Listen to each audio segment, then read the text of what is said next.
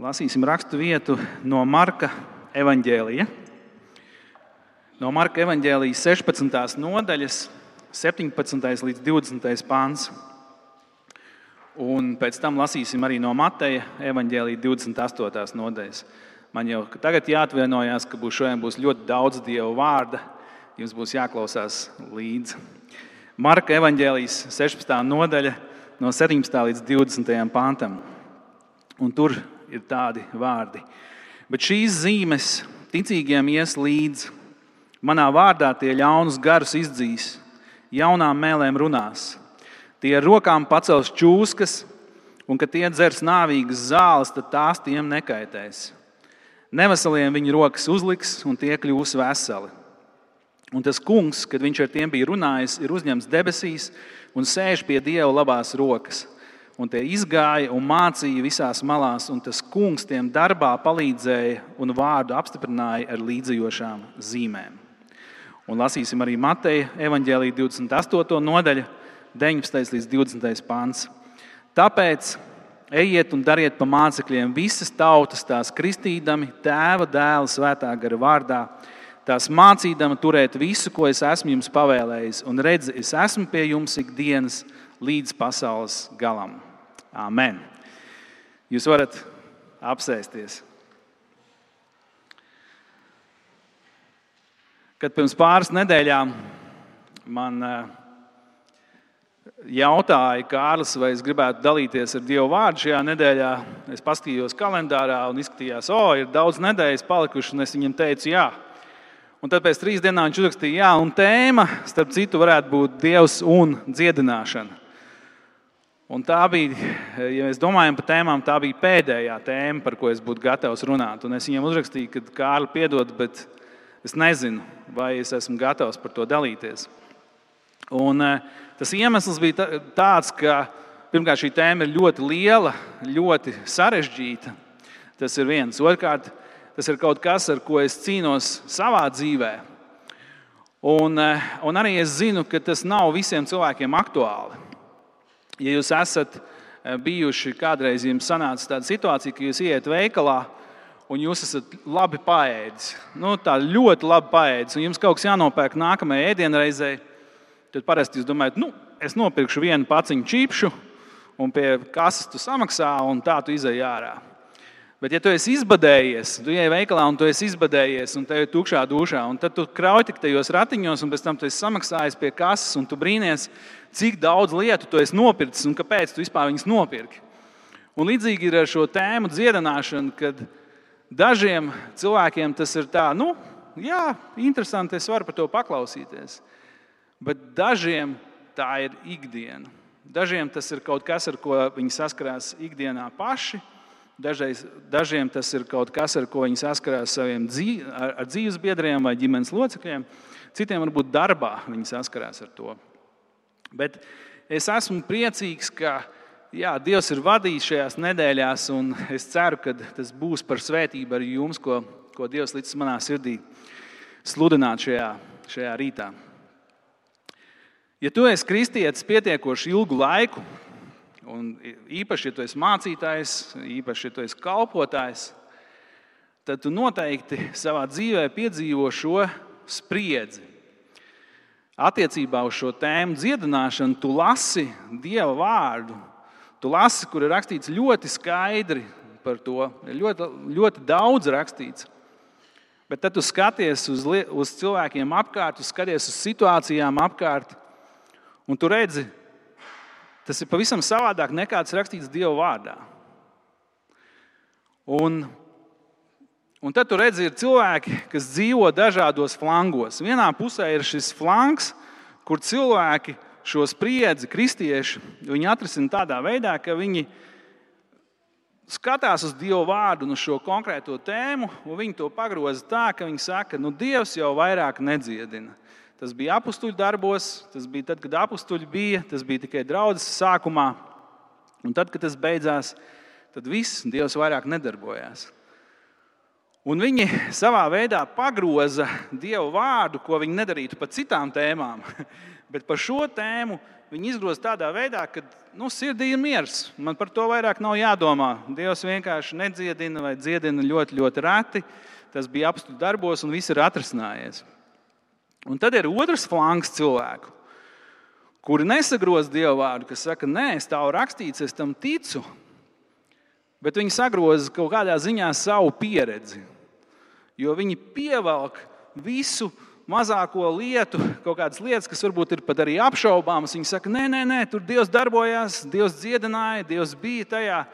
Un viņi rada tādu burbuli, kur viņi saka, nē, viss notiek, viss turpina, viss turpinās. Un tad ir daudza liela daļa cilvēku, kas dzīvo šajā, šajā vidū, kas saka, ka Es redzu, kas ir rakstīts Dieva vārdā, bet man arī ir jautājumi. Man arī ir lietas, kas man nav skaidras. Un šajā brīdī varbūt kāds no jums uzelpo. Jums liekas, fuh, kāds pateica patiesību. Es tagad jūtos labāk. Varbūt kāds, kas klausās līdzīgi, domā par to, ka jā, es to iekšā esmu domājis, bet es neesmu uzdrīkstējies to pateikt skaļi. Redziet, Mēs mūsu ticības dzīvi mēs neveidojam pēc mūsu pieredzes. Mēs veidojam pēc Dieva vārda, pēc tā, kas ir rakstīts Dieva vārdā. Bet tajā pašā laikā mēs nedzīvojam noliegumā par realitāti. Nav tā, ka mēs nu, par to nerunāsim, jo, ja tas neatbilst Dieva vārdam, mums kaut kā jāizstāv ir Dievs. Mēs paļaujamies uz to, kas stāv rakstīts, bet mūsu ticības dzīve var būt ar jautājumiem. Viņa var būt arī ar situācijām, kad mums nav atbildes vai mums nav skaidrs atbildes. Bet kāpēc cilvēks slimo? Nu, Kārlis pagājušajā svētdienā runāja par dabu, kā daba tiek radīta un kā daba arī gaida atbrīvošanu. Un mēs zinām visi, ka pasaule, kur Dievs radīja, tajā nebija slimība. Un kad slimība ienāca līdz ar grēku, kā grēka sekas, Nu, bet, tomēr, bet tomēr mums ir šis jautājums. Nu, nav jau tā, ka viss slimība, kas ienākusi pasaulē, ka tā ir sadalīta pa galviņām, un tad ir tās slimības kvotas, un ka katrs paņem sev uz sevīm, un tad es izslimoju, un tad visiem ir vienlīdzīgi. Bet mēs redzam, ka nē, kad ir, ir situācijas, kad cilvēks slimo ļoti, ļoti, ciešanas ir ļoti lielas. Ja, ir, un, atkal ir citas situācijas, kur mums liekas, nu, kā cilvēkam var būt tik laba veselība. Viņš iet un nekas nespēja viņu nogāzt. Un mēs varam raudzīties uz Dieva vārdu, ko Dieva vārds saka, kāpēc cilvēks slimo. Un patiesībā ir tā, ka Dieva vārds nesaka tikai vienu lietu. Ir dažādi aspekti, ko Dieva vārds mums atklāja, kas dod mums skaidrību. Un patiesībā, ja mēs paņemam tikai vienu lietu, tad mums radās tāda nepareiza izpratne. Bet tajā pašā laikā mums jāmeklē atbildes ir Dieva vārdā. Un domājot par to, es, es gāju pa Rīgu, un Dievs man deva tādu ļoti vienkāršotu. Es ceru, ka nevienam tas nebūs par piedaudzību, ka es tik ļoti novienkāršoju šo lietu, bet to, tādu ļoti vienkāršu piemēru, kas palīdz saprast to. Tad, kad jūs braucat ar mašīnu, kad jūs braucat ar automašīnu, tad ir, jūs varat nokļūt avārijā. Kāds no jums varbūt ir nokļuvis lielākā vai mazākā avārijā. Un tad ir vairāki, vairākas situācijas, kāpēc jūs nokļūstat avārijā. Un līdzīgi ir par, par slimību un slimību, kā tā ienāk mūsu dzīvē. Un tā viena lieta, ko mēs redzam, ko Dieva vārds mums atklāja, ka mēs nonākam avārijā, līdzīgi, mēs, slimība ienāk mūsu dzīvē, tad, kad mūsu dzīvē ir grēks. Ja mēs braucam ar mašīnu, piemēram, mēs rakstām WhatsApp ziņu un vēl kaut ko aizguļamies un darām kaut ko, un pēkšņi mēs ietriecamies iepriekšējā mašīnā. Un mēs nevienu nevaram vainot, mēs nevaram teikt, ka tas brauc pa lēnu vai kaut kas tāds. Mēs sakām, jā, tā ir mana paša atbildība. Tā ir mana paša atbildība. Un es gribu, lai jūs atšķiriet ar mani izvadīšu jūs cauri, gribu par šo runāt cauri Dieva vārdam, un gribu jums dot piemērus gan vecajā derībā, gan jaunajā derībā, kas ir svarīgi. 5. mūzes grāmatā, 5. mūzes grāmatā, 7. nodaļa, no 12. līdz 15. pāntam. Priekšā jums būs arī šī, šī raksturvieta, ko jūs varat atrast. Tie, kas jūs negribat, droši klausieties līdzi. Un tur rakstīts tādu vārdu. Un ja jūs klausīsiet šīs tiesas un tās turēsiet un darīsiet, tad tas kungs, tavs dievs, turēs savu derību ar tevi un žēlstības apsolījumu, ko viņš ir ar zvērstu apstiprinājis taviem tēviem. Un viņš tevi mīlēs, un tevi svētīs, un tevi vairos, un viņš svētīs tavu klēpju augli un tavas zemes augli, un tavu labību, un tavu vīnu sulu, un tavu eļļu, un tavu lielo atņemšanos, un tavu sīklopu vaislu tai zemē, ko viņš ar zvērstu ir apsolījis, to dot saviem tēviem. Svētīts tu būsi pār visām tautām, neauglīgi nebūs nec tavu ļaužu, nec tavu lopu starpā. Un tas kungs novērsīs no tevis visādas slimības un visādas ļaunas eģiptiešu sērgas, ko tu pazīsti. Bet viņš ar tām vajās visus tos, kas tevi ienīst. Jau pašā sākumā mēs redzam, ka Dievs Izraēla tautai dod šīs skaidrās vadlīnijas, šīs skaidrās norādes, kas sākās, ja jūs klausīsiet. Tā kā Dievs saka, ja jūs klausīsiet, tad šī būs svētība, kas jūs pavadīs. Bet, ja jūs neklausīsiet, tad šīs lietas, kas tur ir pieminētas, tās nāks pāri jums. Un tie, kas jūs esat daudz lasījuši veco derību, jūs zinat, ka Izraēla paklausība ir augšā lejā, augšā lejā. Gluži tāpat kā mums, vai ne? Kad ir mirkli, kad viņi paklausa, un tad mirkli, kad atkal viņi novēršās, un kad Dievs piepilda, tiešām viņš sūta slimības, viņš sūta šīs sēgas, kas nāk pār Izraēlu tautu. Jaunajā derībā bija viens notikums, kur Jēzus dziedināja kādu slimo. Tas no Jāņa Evangelijā 5. nodaļa, 14. pāns. Un pēc tam viņš saka šim slimajam, pēc tam Jēzus to atrod templī un saka viņam, redzi, tu esi vesels kļuvis, negrēko vairs, lai tev nenotiek kas ļaunāks. Jēzus pats dziedinot viņu apzinās, ka šī slimība šī cilvēka dzīvēm ir ienākusi caur grēku. Un līdzīgi mēs varam vēl raksti, lasīt arī jaunā derībā, korintiešu vēstulē, kur ir brīdinājums ja, par svēto vakarēdienu. Arī atklāsmes grāmatā mēs varam lasīt, kur Jēzus pats saka, tietīrs draudzēji, viņš saka, ja tu neatgriezīsies no šiem grēkiem, tad es metīšu tevi slimības gultā. Un tā tad viena lieta vai viena atklāsme, kas mums ir, ka slimība var ienākt mūsu dzīvē caur grēku. Un nav jau tā, ka Dievs gaida, lai mūs sodītu. Dievs gaida, Viņš grib, lai mēs atgriežamies. Un mēs īpaši to redzam par Izraēlu tautu. Mēs redzam, ka viņi, tad, kad viņi ir grūtībās, viņi sauc, viņi prasa un viņi lūdz. Viņi saka, Kungs, dziedini, palīdz mums. Bet viss nav tik vienkārši. Tad iedomājieties atkal to situāciju, jūs braucat ar mašīnu, jums ir galvenais ceļš, un pēkšņi kāds ietriecās jums sānos ar auto. Jūs braucāt, viss bija pareizi, jūs visu darījāt, neko nepārkāpāt. Bet pēkšņi kāds cits ir vainīgs. Un Dieva vārds mums atklāja, ka vēl viens no iemesliem, vai cits iemesls, atkal, kāpēc, kāpēc slimības mūs piemeklē, ir tas, ka vēlns mums uzbrūk. Sātans mums uzbrūk. Lūkas evanģēlijā, 13. nodaļā. Lūkas evanģēlijā, 13. nodaļā, 16. pāns, tur ir rakstīts atkal par dziedināšanu. Un tur bija farizēji, kas pārmeta Jēzum, ka viņš bija dziedinājis. Un tur ir rakstīts, tā, ko Jēzus saka. Viņš saka, ka Un šo sievu, Ābrahāma meitu, kuru Sātans turējis saistītu 18 gadus, nebūtu brīvi atraisīt sabata dienā no viņas saitēm. Sātans turēja šo cilvēku savās rokās. Viņš turēja. Un šeit nebija runa, ka viņa bija kaut ko grēkojusi. Nebija runa, ka mēs varētu teikt, nu jā, tāpēc, ka viņi izdarīja to, tas bija viņas, viņas dzīvē. Bet mēs vienkārši piedzīvojam, ka Sātanam ir dota zināma vara līdz vienai dienai. Mēs zinām to dienu.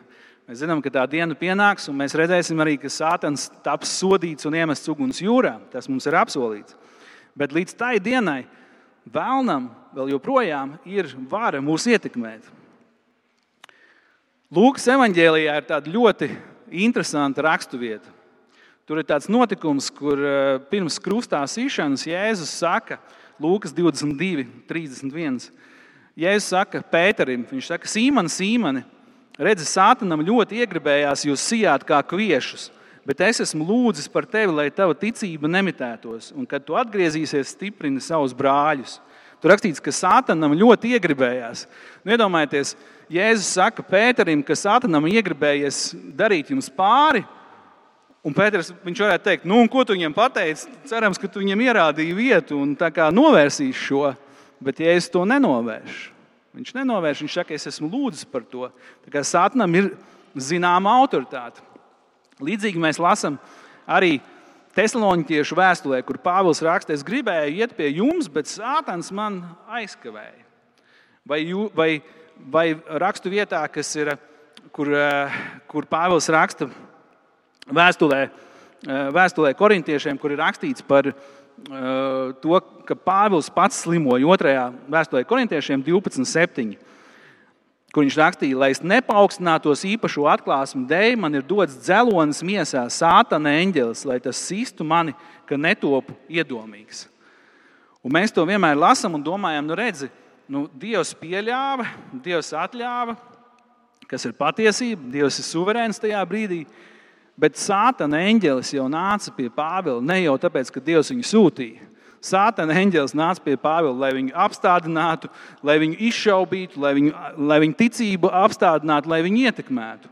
Dievs savā žēlstībā izmanto šo situāciju. Bet Sātans nebija tā, ka Dievs teica Sātanam, nu, rekur, ej, ietekmē manu kalpu. Nē, mēs redzam, ka Sātans nāk un viņš uzbrūk. Un jebkurš kalpotājs, jebkurš mācītājs jums to varēs arī slavētāji noteikti to varēs apstiprināt. Ka katru reizi, kad tev jāiet kalpot, katru reizi, kad tu jāiet un kaut kas jādara un kalpošanā, tad dažreiz viens no veidiem, kā vēlams grib tevi ietekmēt, ir caur slimību. Un, ja viņš netiek klāt tev pašam, tas būs tuvākajam vai bērnam vai kaut kādā veidā. Bet Dieva vārds atklāja, ka zināmā mērā ne bez Dieva nodoma, bet vēlams viņš var mūs ietekmēt. Skatīsimies tālāk. Un tad ir trešā situācija. Tu brauc ar automašīnu pa mežu, nu, par meža vietu. Un pēkšņi izskrien stirna priekšā.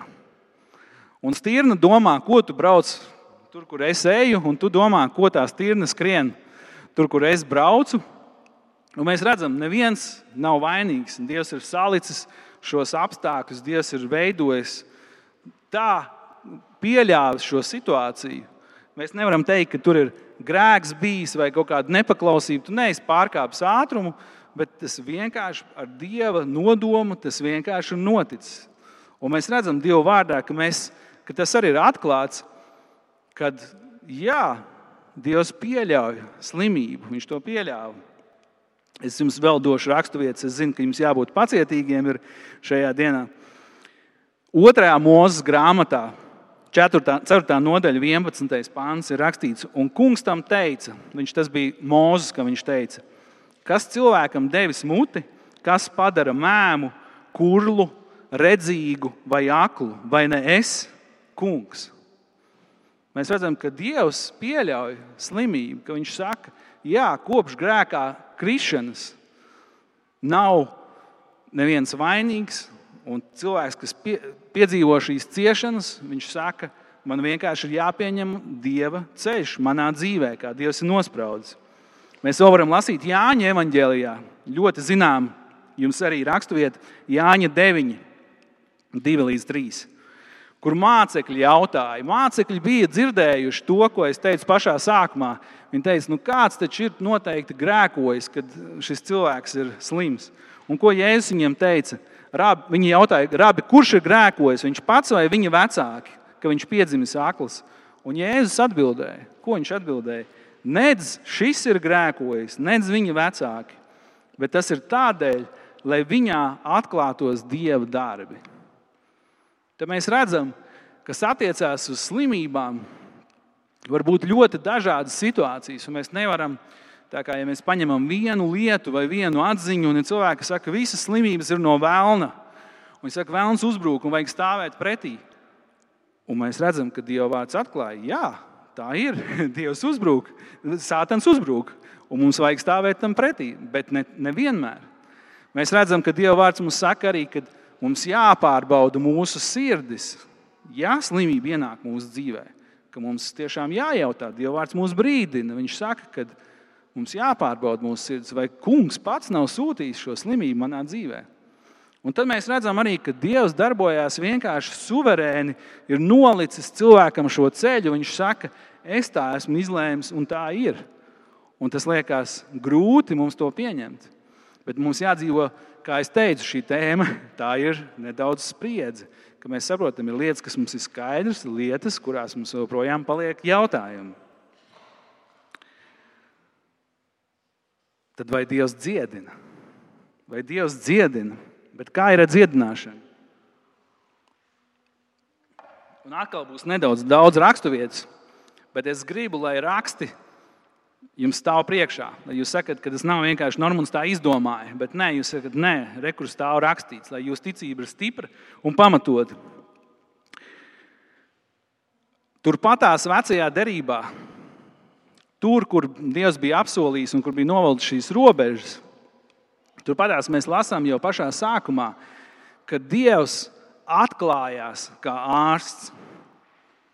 Man jājautā, vai bija jādomā patiesībā par to, ka, ja es būtu ticīgais vecajā derībā, vai es sagaidītu no Dieva, ka Dievs dziedinās, vai, vai, vai, Dievs būtu, vai tas būtu kaut kas, ar ko es dzīvotu, ar šo apziņu, ka Dievs dziedinās.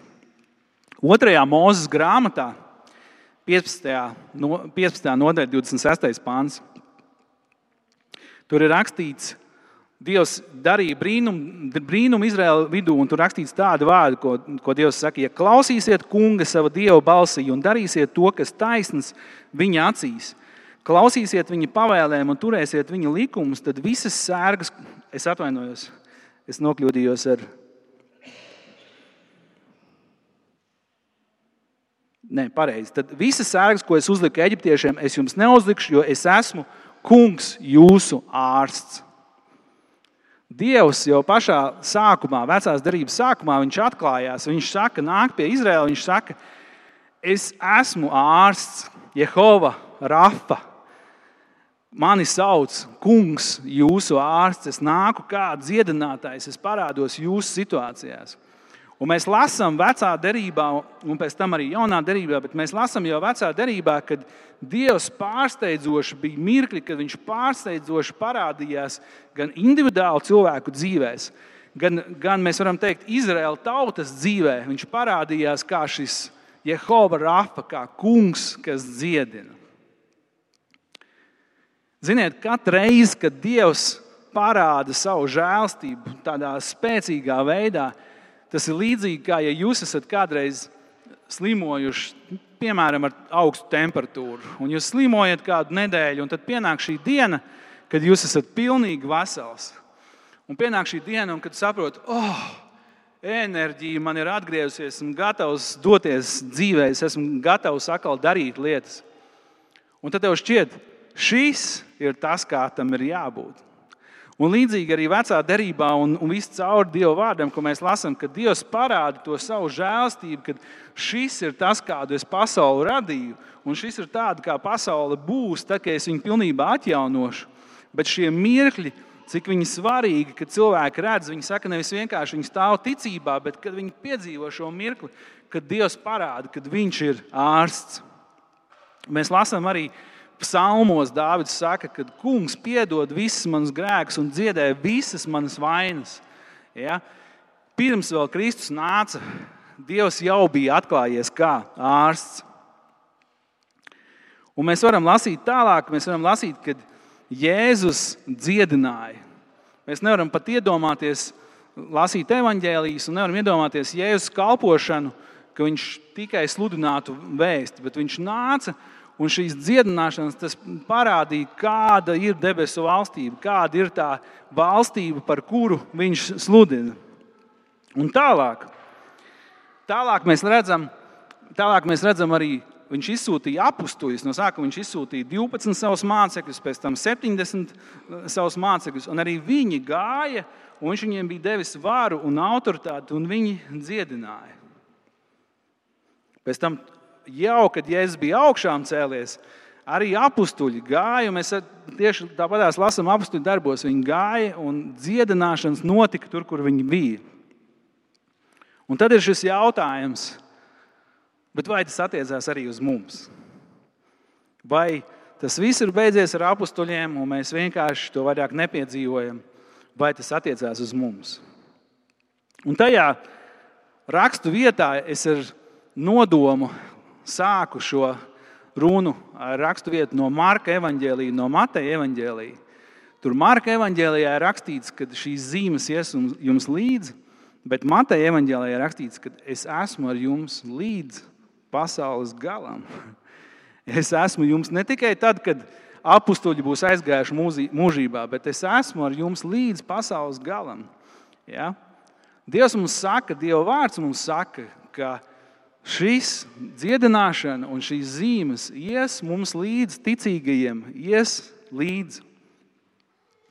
Mēs varam vēl konkrētāk lasīt Jēkabā vēstuli. Jēkabā vēstulē 5, 14 līdz 16.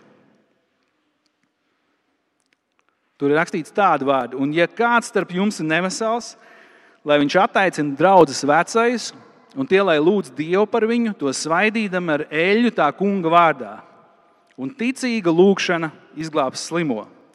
Un tas kungs viņu uzcels. Un, ja viņš grēkus būtu darījis, viņam tiks piedots. Izsūtiet cits citam savus grēkus un aizlūdziet cits pa citu, ka to pat dziedināti. Daudz spēj taisna cilvēka lūgšana, darbodamies savā spēkā.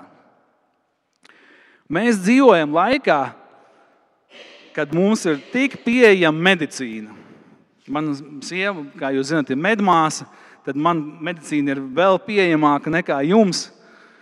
Un mēs dzīvojam laikā, ka liekas, nu, katra slimība, katra lieta, kas ienāk mūsu dzīvē, nu, ir taču tik vienkārši. Uzreiz tu prasa, ok, man sāp kakls, ko es varu darīt, vai man tur tas, ko es varu darīt. Un liekas, ka nu, medicīna dos atbildes uz visiem jautājumiem. Un nav jau tā, ka medicīna ir slikta. Mēs lasām, ka Dieva vārdā patiesībā medicīna mums ir par svētību. Bet ko Dievs aicina? Dievs aicina, ka mēs slimībā, kad tā ir ienākusi mūsu dzīvē, lai mēs tuvojamies viņam, lai mēs sakam, kungs, tu esi dziedinātājs, tu esi atklājies kā dziedinātājs. Tas nenozīmē, ka es nedzeršu zāles, tas nenozīmē, ka saka, ārsti vai kaut kas ir pretēji manai ticībai. Ir cilvēki, kur, kuriem šķiet šī raksturvieta, nu, kad vajag ticēt, un ja es iešu pie ārsta, tad es kaut kā dieva darbu pazemināšu, vai tad es parādīšu, ka man nav ticības, jo es eju pie ārsta. Bet nē, Dievs mums saka, ka mums vajag, mums vajag zāles, mums vajag ārstus, un mēs esam priecīgi saņemt no Dieva žēlstību arī tādā veidā. Bet tajā pašā laikā Kungs saka, lūdziet ticībā, lūdziet ar ticību, un jūs tapsiet dziedināti. Tas neno, nenozīmē, ka, jā, ka mums ir jānoliedz medicīna, bet mēs sakām, nē, vispirms es nāku pie kunga, vispirms es lūdzu, vispirms es saku, kungs, tavs vārds ir patiesība. Es lūdzu, kungs, dod dziedināšanu manā dzīvē. Es ticu tavam vārdam. Tur ir rakstīts, ka lai lūdzu ar ticību. Man par to bija jādomā laikam svarīgākais, ko es gribu dzirdēt no Dieva, kad es lūdzu. Kad Dievs saka, es gribu, lai tu lūdzu. Es gribu, tas tā kā bērns, kas pienāk, viņš saka, nu, tu kaut ko gribi, viņš saka, nu, palūdz man, nu, palūdz, es tev došu. Un es gribu raudzīties uz rakstiem un skatīties, ka raksti man saka, jā, kungs grib, lai es lūdzu. Kungs grib, lai es lūdzu ar ticību, ka viņš ir dziedinātājs. Es varu lūgt ar ticību, zināt, ka kungs redz šo situāciju, viņš pārdabiski darbosies, viņš darīs kaut ko. Lūgt ar ticību.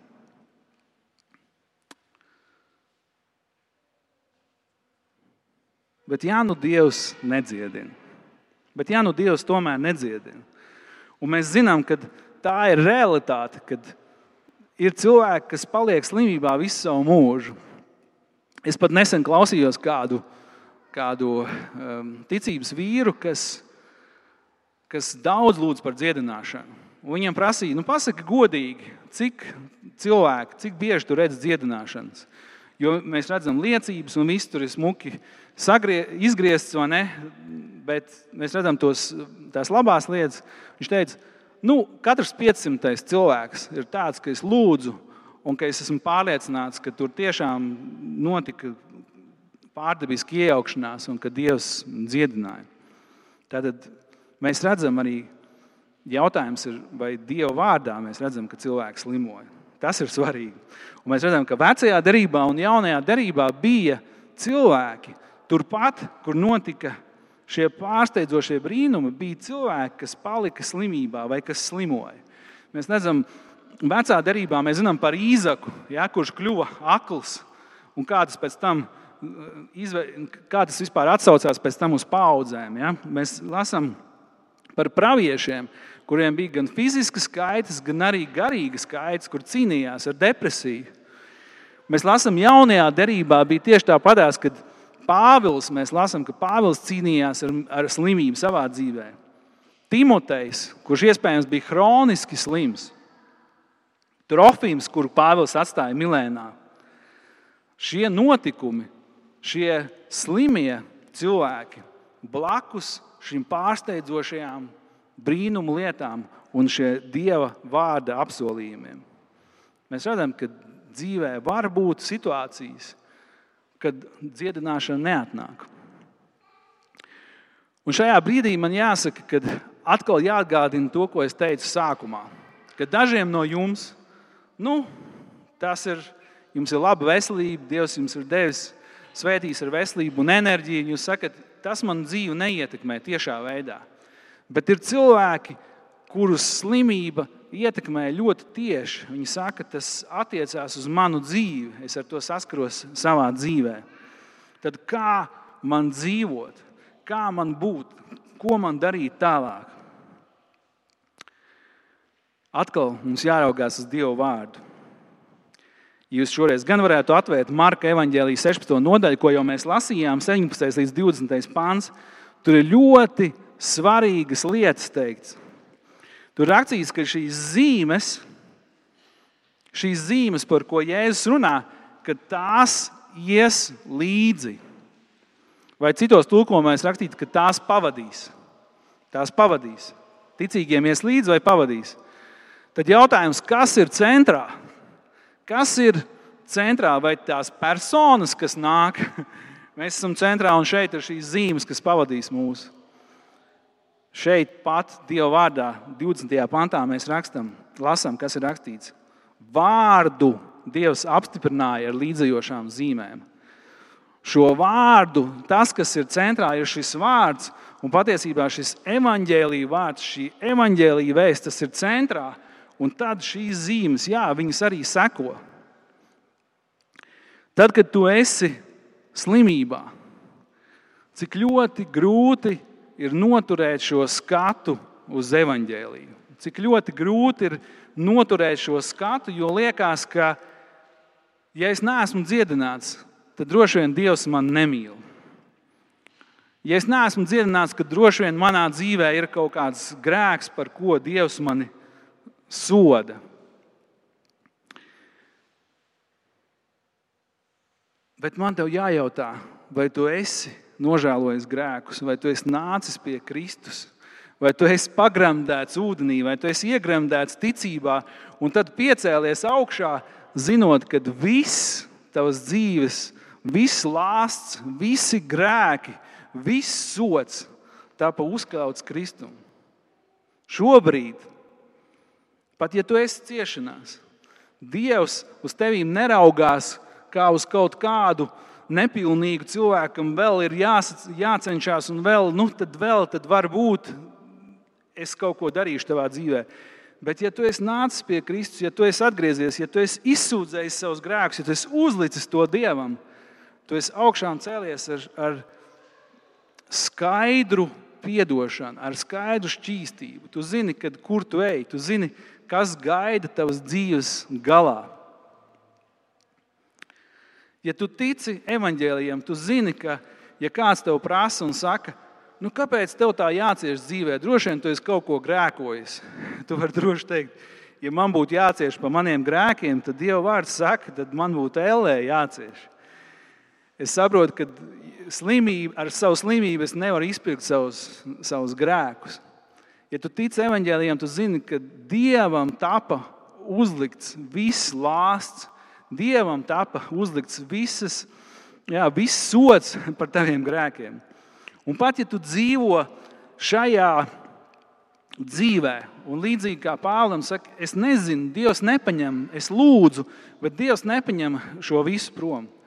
Tad evanģēlijas, tad šīs skats uz Dievu, zinot to, kas ir centrā, zinot to, ka Dievs tevi mīl, Dievs tevi ir pieņēmis Jēzus dēļ, nevis tavu kaut kādu centību vai tavu labo darbu dēļ.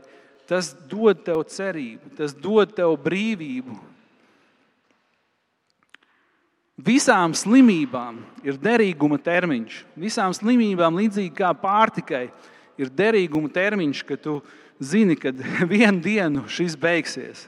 Kad es esmu piecēlies no kristību kapa, es zinu, ir sācies mana, mana dzīve kopā ar kungu. Tagad ticībā, bet reizes skatīšanā. Tagad var būt slimības ciešanās, bet reiz ar jaunu miesu. Dievs to mums ir apsolījis, kā mēs lasījām Dieva vārdā.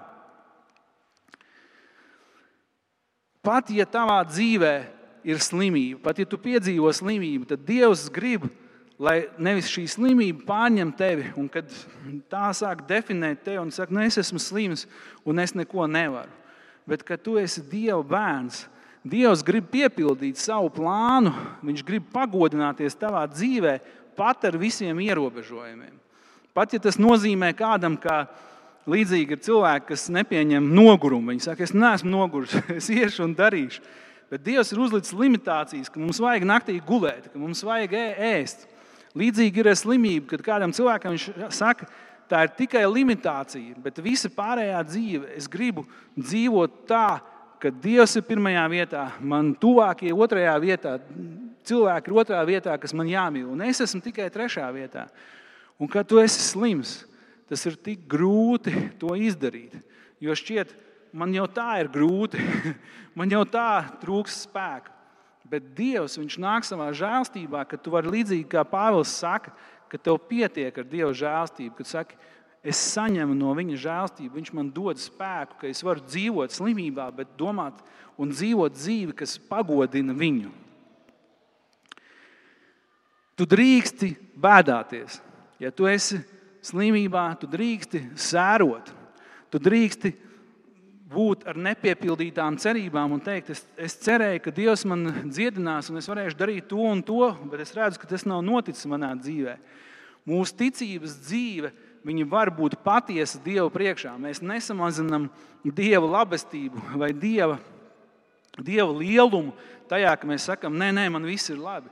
Tu vari teikt, jā, es sēroju, man nepatīk manas ciešanas bet stiprinies evaņģēlijā, stiprinies tajā, ka tu zini, ka tagad tu esi no nāves iecelts dēla valstībā, ka tu biji vēlna valgos, vēlna vergs, un tagad tu zini, ka tu esi iecelts tēva mīļajās rokās.